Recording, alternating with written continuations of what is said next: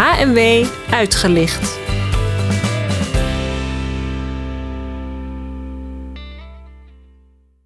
Goeiedag allemaal. We gaan het vandaag hebben over euthanasie bij mensen met psychische problematiek. Ja, we gaan uh, het hebben over, uh, over de cijfers. Uh, we gaan het hebben over hoe het in de wet geregeld is. Ja, wat de pijnpunten zijn. En als je het traject aan zou gaan, wat de hulplijnen zijn in dat traject. Nou, ik ben bij Rosalie Pronk thuis.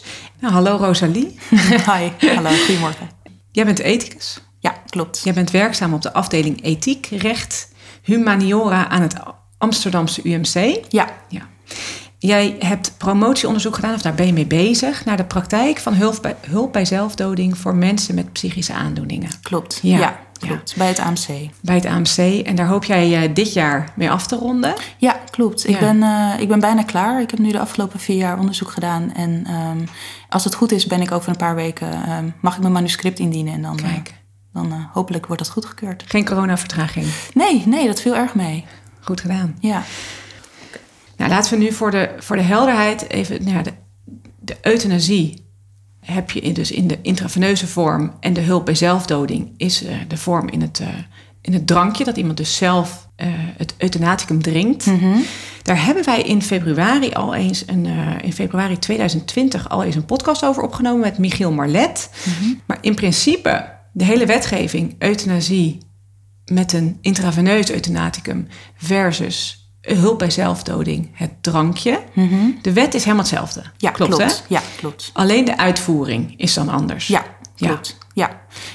En op het moment dat de hulp bij zelfdoding, drankje, dat dat uh, niet werkt, dan is er ook altijd al een waaknaald. Mm -hmm. En er is ook altijd een intraveneus euthanaticum bij de hand en ja. dat dan toe te dienen. Ja. ja. Ja. Nou, wij gaan daar sowieso straks nog op terugkomen. Ook als we het hebben over nou, wat, uh, uh, wat de ideeën daarvan waren bij, bij huisartsen en bij de patiënten daarover. Maar voor de rest, voor de echt inhoudelijke verschillen tussen hulp bij zelfdoding en euthanasie, verwijzen we naar die podcast. Mm -hmm. Laten we eens naar de cijfers gaan. Mm -hmm. Hoe vaak gebeurt het nou? Euthanasie bij mensen met een psychische aandoening? In totaal, het afgelopen jaar gebeurde dat 63 keer. En Daarvan uh, is 11 keer door een huisarts gedaan en 42 keer door een psychiater. En de psychiaters die komen vaak van het expertisecentrum euthanasie. Dus in 2018 bijvoorbeeld werd 85% van de euthanasieën bij mensen met psychische aandoeningen door het expertisecentrum euthanasie uitgevoerd. Ja. Dus zij het grootste deel doen zij. In totale euthanasieën die gedaan zijn dat jaar? Volgens mij het afgelopen jaar iets meer dan 6000. Dus van iets meer dan 6000, daar zijn er maar 63 voor psychiatrische problemen. Ja, klopt. Ja. ja. Dus het is maar een heel klein aantal. Ja. Maar ja, het leeft wel enorm. Want Zeker. als ik las in jouw artikel, was dat er, um, als je terugkijkt tussen 2012 en 2018, mm -hmm. werden er dagelijks drie verzoeken gedaan bij het expertisecentrum. Ja. Voor euthanasie bij psychiatrische problemen. Ja, klopt. Ja. ja. ze krijgen veel verzoeken. En um, nou ja, de meeste verzoeken komen ook terecht bij het expertisecentrum. Ja, ja het, is, het is aanzienlijk en het, uh, het onderwerp leeft. En het is ook een, een controversieel onderwerp, in het buitenland ook. Uh, er wordt um, ja, nou ja, niet altijd even positief gesproken in het buitenland over deze Nederlandse praktijk. En ook uh, binnen Nederland is dat... psychiaters zijn er niet, niet dol op, laat ik het zo zeggen. Die worden ook steeds terughoudender in het aan willen gaan van een van een euthanasieverzoek van iemand met psychische problematiek. Sinds 1995, in vergelijking met 2006, is er een afname in het aantal psychiaters dat bereid is om een euthanasieverzoek te evalueren en uit te voeren. Dus het is, uh, het is een uh, moeilijk onderwerp en het leeft heel erg ook uh, in, af en toe in de media wel. En het is controversieel. Ja. En stijgen de verzoeken? ja, ja. Het aantal verzoeken dat in 1995 was, was volgens mij 320. En in 2016 was het om en nabij de 1100. Zo. Dus ja. dat, uh, het aantal verzoeken toch, stijgt ook. Dat ja. is toch al drie keer zoveel, maar dan in, uh, in ook wel lange tijd. Ja, ja, ja in lange tijd, ja. Maar dat, uh, ja. ja. Is er een reden dat psychiaters het niet meer willen? Er is uh, naar mijn weten geen onderzoek naar waarom de, uh, de terughoudendheid is gestegen eigenlijk. Dus um, waarom ze meer terughoudend worden.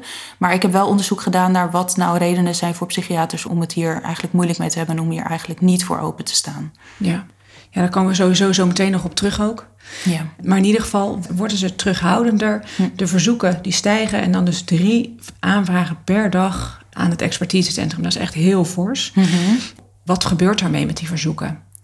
Uh, de verzoeken bij het expertisecentrum die daar terechtkomen, um, je komt in principe uh, eerst op een wachtlijst terecht. En die wachtlijst is inmiddels opgelopen tot twee jaar.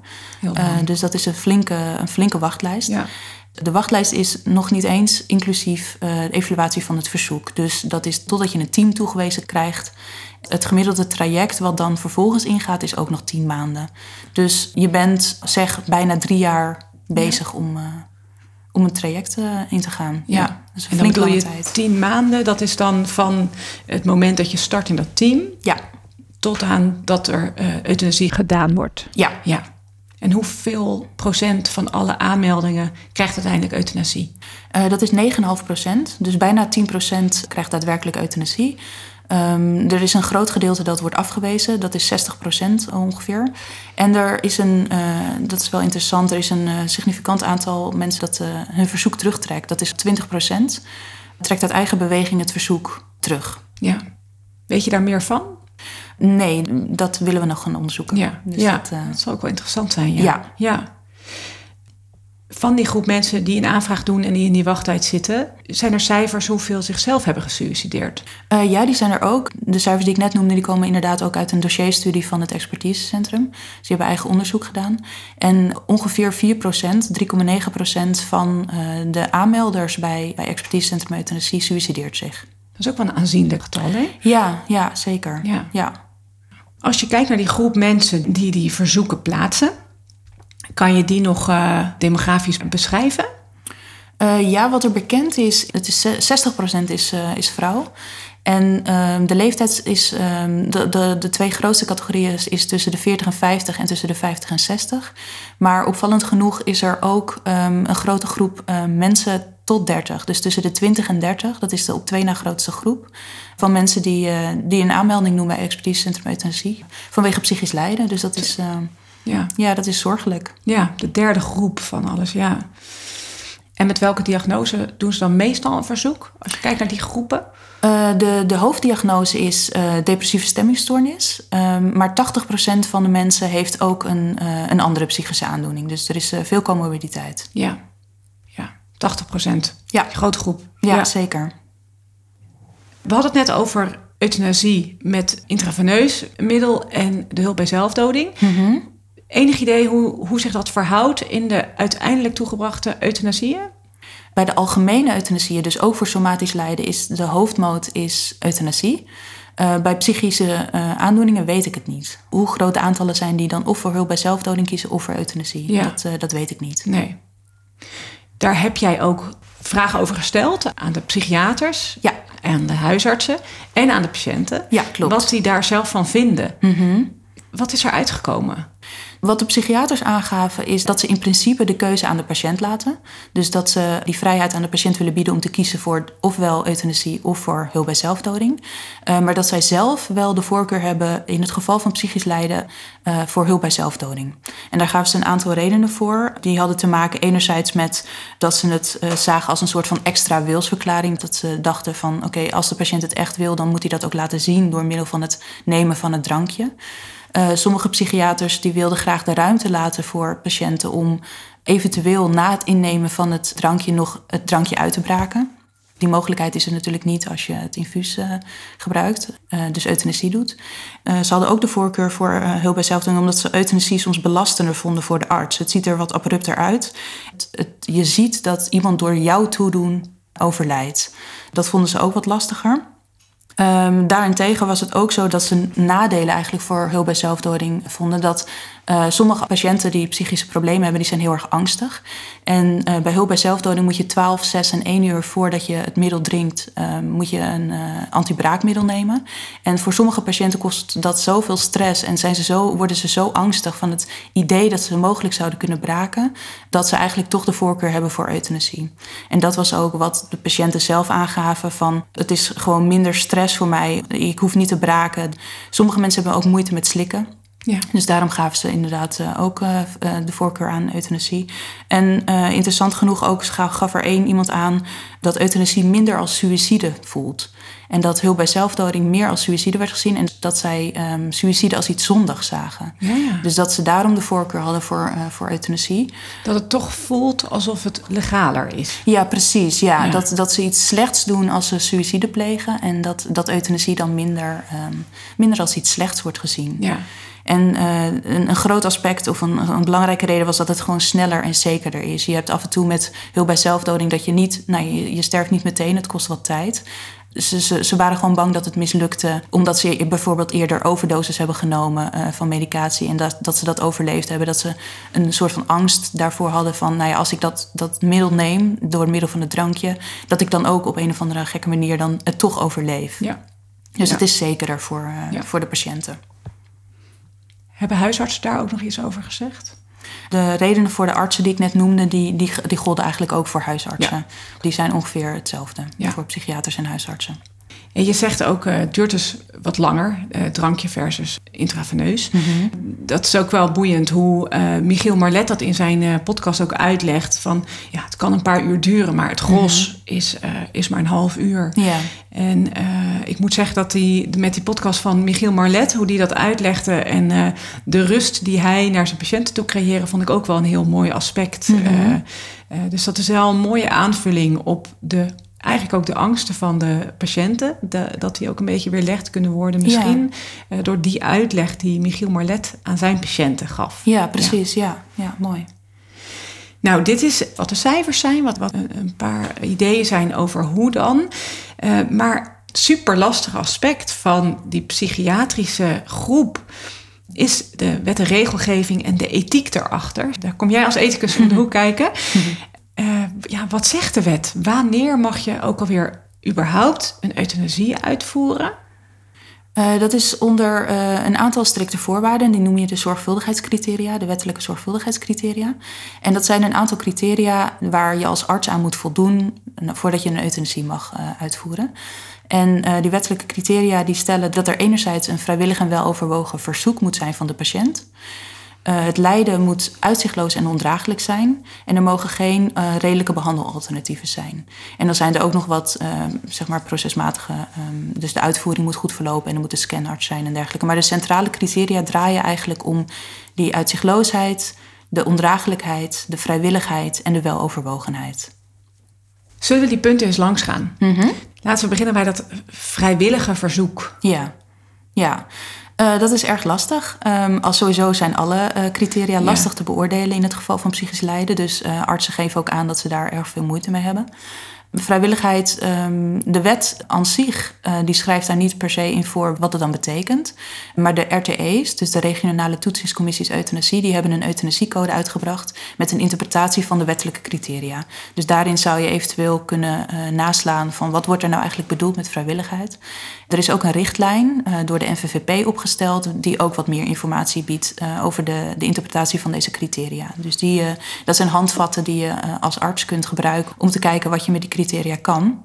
Zullen we die even als linkjes bij de podcast zetten? Ja, Dat mensen makkelijk door kunnen klikken. ja. En de NVVP, nog even de afkorting? Oh, dat is de Nederlandse Vereniging voor Psychiatrie. Ja, oké. Die hebben dan eh, die richtlijn opgesteld en dat is een richtlijn specifiek voor euthanasie en, of, of eigenlijk levensbeëindiging eh, in het geval van psychisch lijden.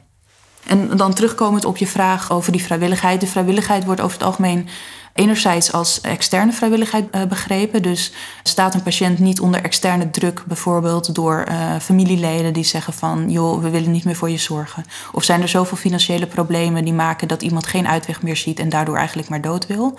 Maar er is ook een intern component. De vraag die daar eigenlijk wordt gesteld van... is de doodswens ingegeven door de aandoening die de persoon heeft? Dus als je bijvoorbeeld kijkt naar depressie... dan is een van de symptomen van depressie... is dat iemand eh, doodsgedachten heeft of dood, of dood wil.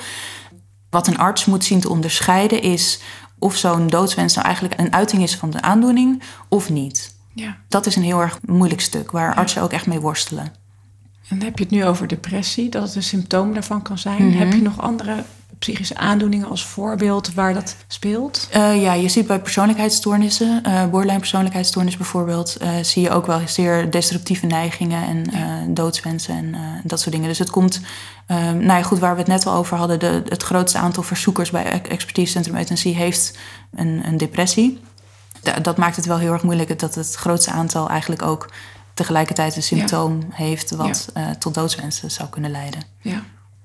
En je had het net ook nog over uh, stemmen. Stemmen die je dat in Mhm. kunnen geven. Ja, klopt. Ja, ik sprak bijvoorbeeld een van de patiënten die ik interviewde. Die had het erover dat um, zij, zij hoorde stemmen. Die stemmen die droegen haar eigenlijk op om uh, zichzelf dood te maken.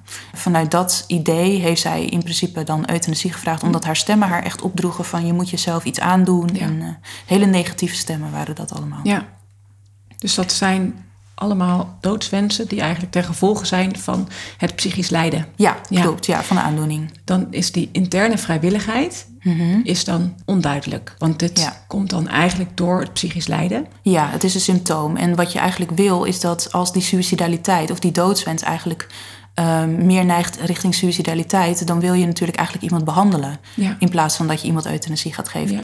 We hebben in Nederland heel veel suïcidepreventie. En we willen graag dat mensen die suïcidaal zijn geholpen worden en behandeld worden. Ja. Mensen die een euthanasiewens hebben, die komen eventueel in aanmerking om geholpen te worden met sterven. Dus het onderscheid is daarom relevant. Ja. En hoe maak je dan het verschil uiteindelijk? Ja, dat is, uh, nou ja, dat is dus een van de punten die echt heel erg moeilijk is. Ik denk dat dat, dat, dat een kwestie is van uh, uh, in gesprek gaan met je patiënt. En proberen uit te vogelen hoe dat zit. Um, de psychiaters gaven bijvoorbeeld aan van... komt het bijvoorbeeld door emotionele kwetsingen? Is iemand onlangs, uh, heeft iemand zijn relatie verbroken? Of is het iets uh, bijvoorbeeld in de tegenoverdracht... Uh, overdracht en tegenoverdracht van... gaat een arts bijvoorbeeld op vakantie... en reageert een patiënt daar heel sterk op? Ja. Of is het een kopingsmechanisme? Dus het, het kunnen allerlei verschillende betekenissen hebben... en dat moet je als arts zien te ontwaren. En dat is, dat is heel erg moeilijk. Ja. Dat is lastig.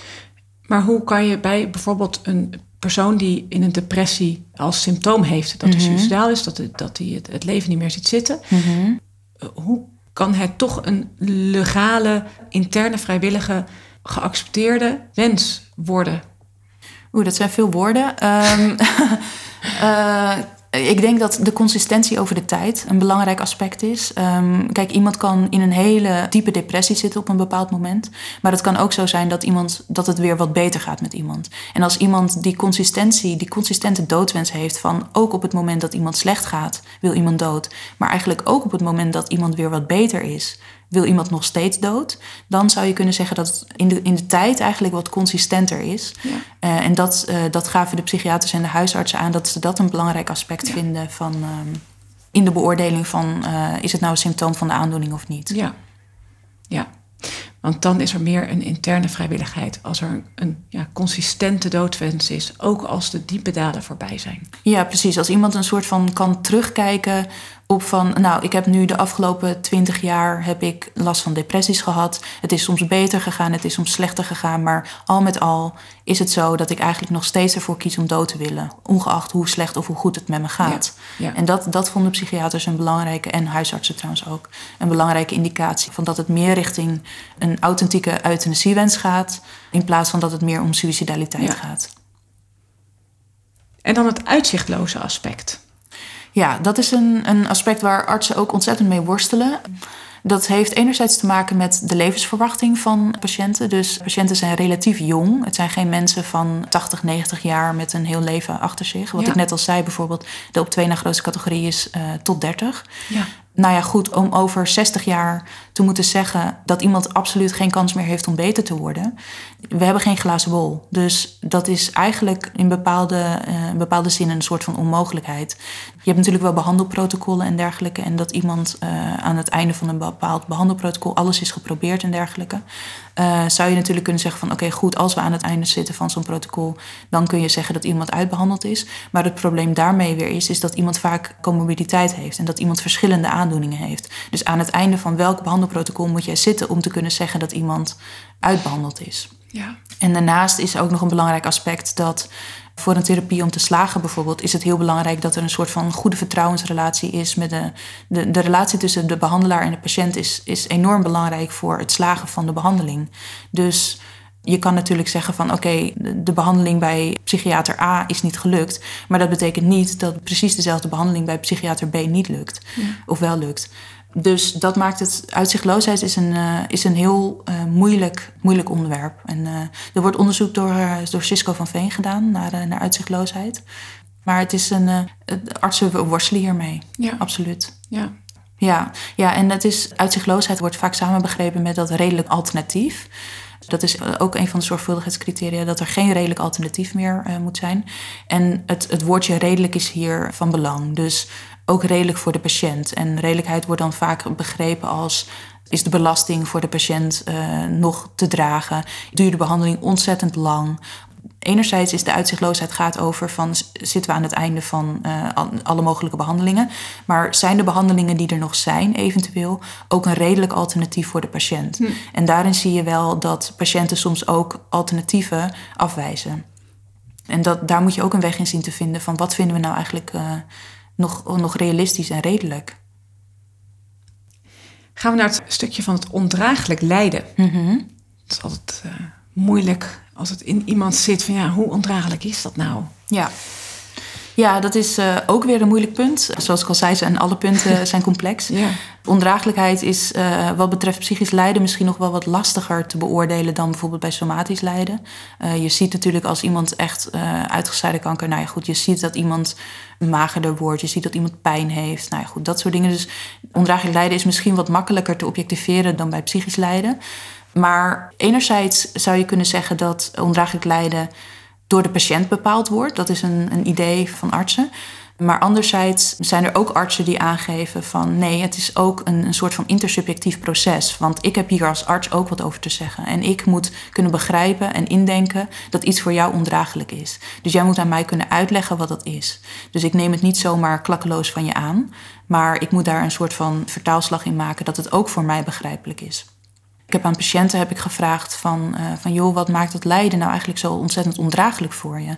En patiënten gaven daar uh, verschillende dingen van aan. Het is niet één ding. Het is een, een, een soort van samenkomst van verschillende redenen die enerzijds gaan over de, de symptomen van de aandoening. Dus bijvoorbeeld het horen van stemmen of uh, de anorexia die, die iemand heeft, het, het constant dun willen zijn. Nou ja, goed, dat, dus die, uh, die symptomen die zijn van belang. Maar wat eigenlijk misschien nog wel belangrijker was, was um, dat mensen het gevoel hadden dat ze geen betekenisvolle relaties meer aan konden gaan.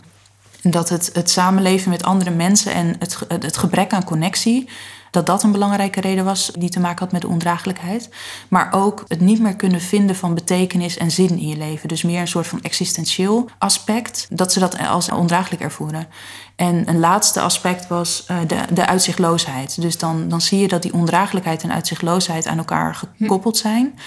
Um, een van de patiënten bijvoorbeeld zei ja, weet je, als ik bijvoorbeeld uitgezaaide kanker zou hebben en iemand zou mij zeggen dat ik drie weken nog te leven had, dat kan je makkelijk uitzitten. Als iemand tegen mij zou zeggen, joh, je psychisch lijden duurt nog drie weken, dan is het helemaal niet nodig voor mij om, uh, om euthanasie te krijgen, want dan red ik het wel. Maar het feit dat ik als, als jonge vrouw nog, nog 60 jaar moet leven met deze ontzettende grote psychische problemen, dat maakt het voor mij gewoon ondraaglijk.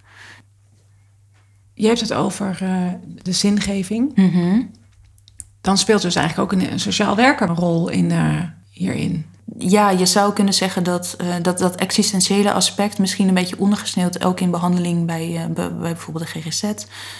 dat, dat bijvoorbeeld geestelijk verzorgers hier een rol in zouden kunnen spelen. En dat, dat sociaal werkers misschien of verpleegkundigen, dat daar iets, iets mee gedaan moet worden. Maar, maar dat komt eigenlijk door de wet. De wet schrijft voor dat het alleen een arts mag zijn die, die euthanasie. Dus ja. Maar goed, je ziet wel dat mensen ook vaak um, wel gewoon betrokkenheid, bijvoorbeeld in een vakteam. Of ja. um, dat mensen uh, een, wel meerdere hulpverleners om zich heen hebben, ja. maar nog steeds niet het gevoel hebben dat ze betekenis en, en zin aan het leven kunnen geven. Ook omdat ze bijvoorbeeld soms geen werk hebben of niet kunnen werken. Dat draagt er echt wel ook toe bij. Ja. En dan het laatste aspect, of het een weloverwogen verzoek is. -hmm. De weloverwogenheid wordt dan, uh, dat, dat gaat dan voornamelijk over wilsbekwaamheid. Dus is iemand in staat om een goede beslissing hierover te maken ten aanzien van de doodwillen. Huisartsen gaven aan dat ook lastig in te schatten te vinden. Uh, dus daarom zouden ze ook graag psychiaters uh, daarbij willen betrekken en dat niet alleen aan willen gaan. Omdat de wilsbekwaamheid soms bij, nou ja, bij psychische aandoeningen natuurlijk vaak, ja, dat dat lastig te beoordelen is. Dus dat. Um, Dat is ook weer een moeilijk aspect, weer, Ja. net als alle andere Ja. aspecten. Ja, je zei dat in het artikel dat de psychiaters eh, doodswensen in drie groepen indelen. Mhm. eh, om eh, ja, daar een beetje helderheid in te krijgen. Kan je daar wat meer over zeggen? Ja, de psychiaters en huisartsen die ik heb geïnterviewd, die maakten eigenlijk een onderscheid tussen een soort van impulsieve suicidaliteit als, als categorie, een chronische suicidaliteit of een rationele doodswens, wat ze ook wel de balanssuicide noemden. Ik noem het in het artikel noem ik het een rational suicide eh, of rational death wish, eh, omdat er niet echt een goede vertaling is voor het woord balanssuicide. Eh, maar zo, die- dat onderscheid maakten inderdaad de artsen die ik heb geïnterviewd. Ja. En geeft dat nog een beetje een richting aan van nou wat voor soort doodswens het is? Dat dat meer ja, kans van slagen geeft eh, bij het eh, expertisecentrum. Eh, ja, wat de psychiaters en, en huisartsen die ik geïnterviewd heb aangaven, was dat, dat zij euthanasie of hulp bij zelfdoding als alternatief zagen voor die balanssuïcide, maar niet voor de impulssuïcide of voor de chronische suicidaliteit. Dus die eerste twee categorieën sluiten ze eigenlijk uit voor, voor euthanasie, maar ze zeggen die laatste categorie ehm, zou eventueel in aanmerking moeten kunnen komen voor euthanasie of hulp bij zelfdoding, omdat we het een humanere manier vinden om te sterven. Iemand die voldoet aan de voorwaarden en wordt niet meer gedwongen tot een suïcide. Dus dat, eh, die laatste categorie voornamelijk. Ja, die eerste categorie, nou dat begrijp ik wel, impulsieve suicidaliteit. Het verschil tussen die tweede en de derde, kan je dat uitleggen? Ja, het verschil is eh, soms wat onduidelijk, maar eh, omdat die twee groepen dan ook enigszins in elkaar overlopen. Eh, maar wat de artsen aangaven dat het verschil was, was dat eh, in het geval van de chronische suicidaliteit de doodswens inderdaad wel vaker optreedt en eh, dus langere tijd ook aanwezig is. Maar dat het nog steeds voortkomt als symptoom van de psychopathologie. Dus bijvoorbeeld bij persoonlijkheidsstoornissen zie je vaak chronische suicidaliteit. En dat het eigenlijk meer een, een reactie is op emotionele kwetsingen. Dus wat ik eerder al bijvoorbeeld zei van een relatie gaat over of iemand is, is bang dat die verlaten wordt. Of, en dat de doodswens eigenlijk een reactie is op die emotionele gebeurtenis in, in iemands leven. En wat het verschil is met de rationele doodswens is eigenlijk dat dat niet meer het geval is. Dus ongeacht eh, de emotionele kwetsingen en dergelijke, het is geen reactie meer op, op externe gebeurtenissen. Ja. Maar dat is erg moeilijk om te onderscheiden. En daarin moet je dan het echt een contact hebben met een patiënt om dat, eh, erachter te komen hoe dat nou precies zit. Ja, en al met al, al die ja, gecompliceerde eh, vraagstukken bij eigenlijk al die factoren. Ja, ik kan me heel goed voorstellen dat huisartsen dat eh, wel lastig vinden om überhaupt aan zo'n traject te beginnen. Het kost heel veel tijd, wat je ook niet per se, denk ik, eh, terugziet in vergoeding daarvoor. En het lijkt me heel zwaar. Ja, dat, dat is ook wel wat artsen aangeven. Dat het heel erg zwaar is. En dat ze soms ook zeggen van nou, ik heb het één keer gedaan en ik doe het nooit meer. Hm. Dus dat de emotionele belasting voor de arts moet ook echt niet onderschat worden. Dus dat, eh, die factor is zeker aanwezig, absoluut. Ja. Ja. Maar er zijn toch huisartsen die het doen. Mhm. Uh, uiteraard binnen het expertisecentrum zijn er uh, psychiaters die dat doen. En er zijn ook wat hulplijnen voor hè, om uh, de dokter daar in dat traject te helpen. Mm -hmm. ja. ja. Ja, klopt. Uh, er zijn een aantal mogelijkheden. Want wat huisartsen voornamelijk aangaven is dat ze het gevoel hebben dat ze niet genoeg expertise hebben op psychiatrisch gebied. Het zijn natuurlijk geen specialisten in de psychiatrische zin van het woord. En wat ze aangaven was uh, dat ze die ervaring ook misten. Dus aanknopingspunten voor huisartsen zijn denk ik... enerzijds kan je de euthanasiecode bekijken... van wat zijn de interpretaties van de wettelijke criteria. Anderzijds is er de richtlijn van de NVVP, die staat online. Daar wordt stap voor stap beschreven welke stappen je moet nemen als arts. En dat kan als leidraad inderdaad ook dienen. En je hebt de mogelijkheid om bij expertisecentrum euthanasie... een soort van buddy-traject aan te gaan. En dat dat betekent dat jij als huisarts het traject in principe doet, maar met hulp van het expertisecentrum die kan bijstaan, omdat zij zoveel ervaring en expertise hebben op het gebied van, uh, van psychische aandoeningen, dat zij jou kunnen bijstaan in van hoe doe je dit nou en uh, hoe ga je zo'n verzoek nou aan en hoe kun je dat doen. Ja. Je blijft natuurlijk als huisarts wel zelf verantwoordelijk daarvoor, maar zij kun je daarin uh, in bijstaan. Ja. Ja, dat uh, lijkt, me, lijkt me heel prettig als mm-hmm. huisarts, dat je niet alleen staat. Ja. ja. En nog meer? Uh, je bent sowieso verplicht natuurlijk om een scanarts uh, in te schakelen. Dus daar wordt in meegekeken. En uh, de RTE's, dus de regionale toetsingscommissies, hebben in hun euthanasiecode een soort van extra eis gesteld in het geval van psychisch lijden, dat er een, een second opinion komt. Dus dat is een psychiater die gespecialiseerd is in de aandoening van de patiënt, die met jou meekijkt en, en een second opinion doet. En die kijkt dan voornamelijk naar, uh, is de patiënt wilsbekwaam? Zijn er inderdaad geen behandelmogelijkheden meer die als redelijk alternatief kunnen worden gezien. Dus je hebt in het traject zitten er een aantal momenten ingebouwd uh, waar je samen met de psychiater kan kijken naar inderdaad van uh, ja, wat zijn de mogelijkheden en heb ik alles gedaan en heb ik alles goed overzien en um, heb ik dat goed gedaan? Ja. Dat zijn volgens mij de mogelijkheden die er zijn. Mijn laatste vraag voor jou. Kan je ook iets positiefs zeggen voor de huisartsen die dit toch overwegen? Er is heel veel lastig, mm -hmm. maar er is ook heel veel vraag. Zijn er ook uit jouw interviews dingen die positiever er tegenaan kijken? Het is inderdaad erg moeilijk en complex. En dat traject dat, dat vraagt veel van je. Maar bijvoorbeeld bij het expertisecentrum euthanasie heeft de, de psychiater die het verzoek in behandeling neemt, heeft geen behandelrelatie met, uh, met de patiënt. Dus dat moeten ze in, in relatief korte tijd moeten ze dat opbouwen. Ja. Wat je als voordeel voor als huisarts hebt, dat je patiënten vaak langere tijd ziet. Dat je eigenlijk een soort van levenslooparts bent uh, voor iemand langere tijd. Soms heb je ook familieleden in, in de praktijk en dergelijke. Dus je ziet de sociale context zie je ook wat meer. Dus ik denk dat dat wel een voordeel is eigenlijk van huisartsen ten opzichte van, van psychiaters sowieso van het expertisecentrum, maar ook psychiaters die bij GGZ-instellingen werken. Ja. Je hebt meer een totaalplaatje qua tijd en qua sociale structuur. Ja, precies. Ja. ja. Dus ik ja. denk dat dat wel voor huisartsen pleit om, uh, om een verzoek in overweging te nemen. Heb je zelf nog aanvullingen op uh, wat je al allemaal hebt uitgelegd hierover? Dat er hulpmiddelen zijn voor, voor artsen om, om hiermee uh, eventueel, als ze dat willen, als ze daarvoor openstaan, mee aan de slag te gaan. Je staat er niet alleen voor. En dat ja. is denk ik wel een belangrijke boodschap voor, uh, voor artsen om mee te nemen. Ja. En het tweede ding wat ik, wat ik heb gemerkt is dat in de gesprekken ook met patiënten, is dat het luisteren naar patiënten en het serieus nemen van de doodswens eigenlijk voor zoveel ruimte en rust kan zorgen.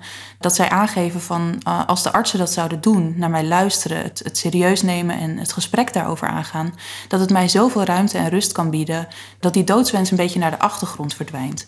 Dus een van de dingen waarvan ik hoop dat artsen dat ook zullen doen, is dat ze dat gesprek aangaan met, uh, met de patiënt over de, over de doodswens. En dat betekent niet dat, uh, dat ze ook daadwerkelijk hoeven te, zeg maar de stap hoeven te maken naar euthanasie. Maar wel dat gesprek over die doodswens aangaan. Want dat is zo belangrijk voor de patiënt. En dat kan inderdaad paradoxaal genoeg er eigenlijk voor zorgen dat de patiënt niet meer dood wil. Ja. En als je dan ook kijkt naar die 20% van het expertisecentrum, mm -hmm. die zich terugtrekken nadat ja. ze het aanvankelijk gestart zijn, heeft dat daar ook iets mee te maken? Nou, dat is wel wat het expertisecentrum uh, zegt. Hun ervaring is inderdaad eigenlijk hetzelfde wat ik ook heb gevonden in mijn studie onder patiënten. Dat het serieus nemen en het praten erover, uh, dat dat al zoveel rust en ruimte kan bieden. Ja, en dat merkte jij dus ook gewoon in gesprekken met die patiënten, dat ze daar. Uh, ja, zeker. Hadden. Ja, zeker. En uh, patiënten gaven ook wel aan dat, dat ze het sowieso heel erg prettig vonden om hierover te praten. Omdat er een, nou ja, er, er ligt een flinke taboe op, uh, op dit onderwerp. En ze vonden het een hele plezierige en uh, fijne ervaring om hier open over te kunnen praten. En er was zelfs bijvoorbeeld één patiënt die zei van... Um, nou ja, dit gesprek met jou heeft ervoor gezorgd dat ik eigenlijk wat ruimte heb gevoeld om ook weer aan de slag te gaan binnen de hulpverlening. Dat ze daar eigenlijk toch wel weer perspectief in zag. En dat ze, dat, uh, dat ze die motivatie weer een beetje begon ja. te krijgen. Dus dat was wel heel erg mooi om te merken. Ja, ja dus uh, luisteraars, we hebben het nu, uh, ik denk 35 minuten hebben we het gehad over ja, de regels, wat mag en hoe vaak komt het naar voren. En uiteindelijk is dan een hele belangrijke een heel belangrijk advies van jou is: ga het gesprek gewoon aan. Ja. Zonder verplichting. En dat kan al heel veel lucht geven. Ja, ja. absoluut. Ja, absoluut. Ja. En um, kijk, soms, soms kan er druk ontstaan van de patiënt... Hm. Die, die een arts onder druk zet van... ja, nee, maar ik wil euthanasie. En geef daar vooral ook absoluut goed je grenzen in aan... als je, dat, als je niet bereid bent om dat te doen. Maar ga inderdaad dat gesprek over die doodswens... Ja. Uh, ga dat aan. Ja.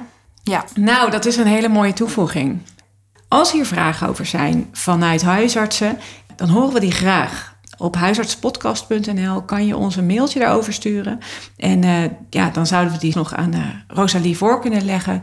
Hoe ga je hier of daar dan mee om? En dan wel een beetje in de algemene zin. Ze hoeft natuurlijk niet de casus te horen.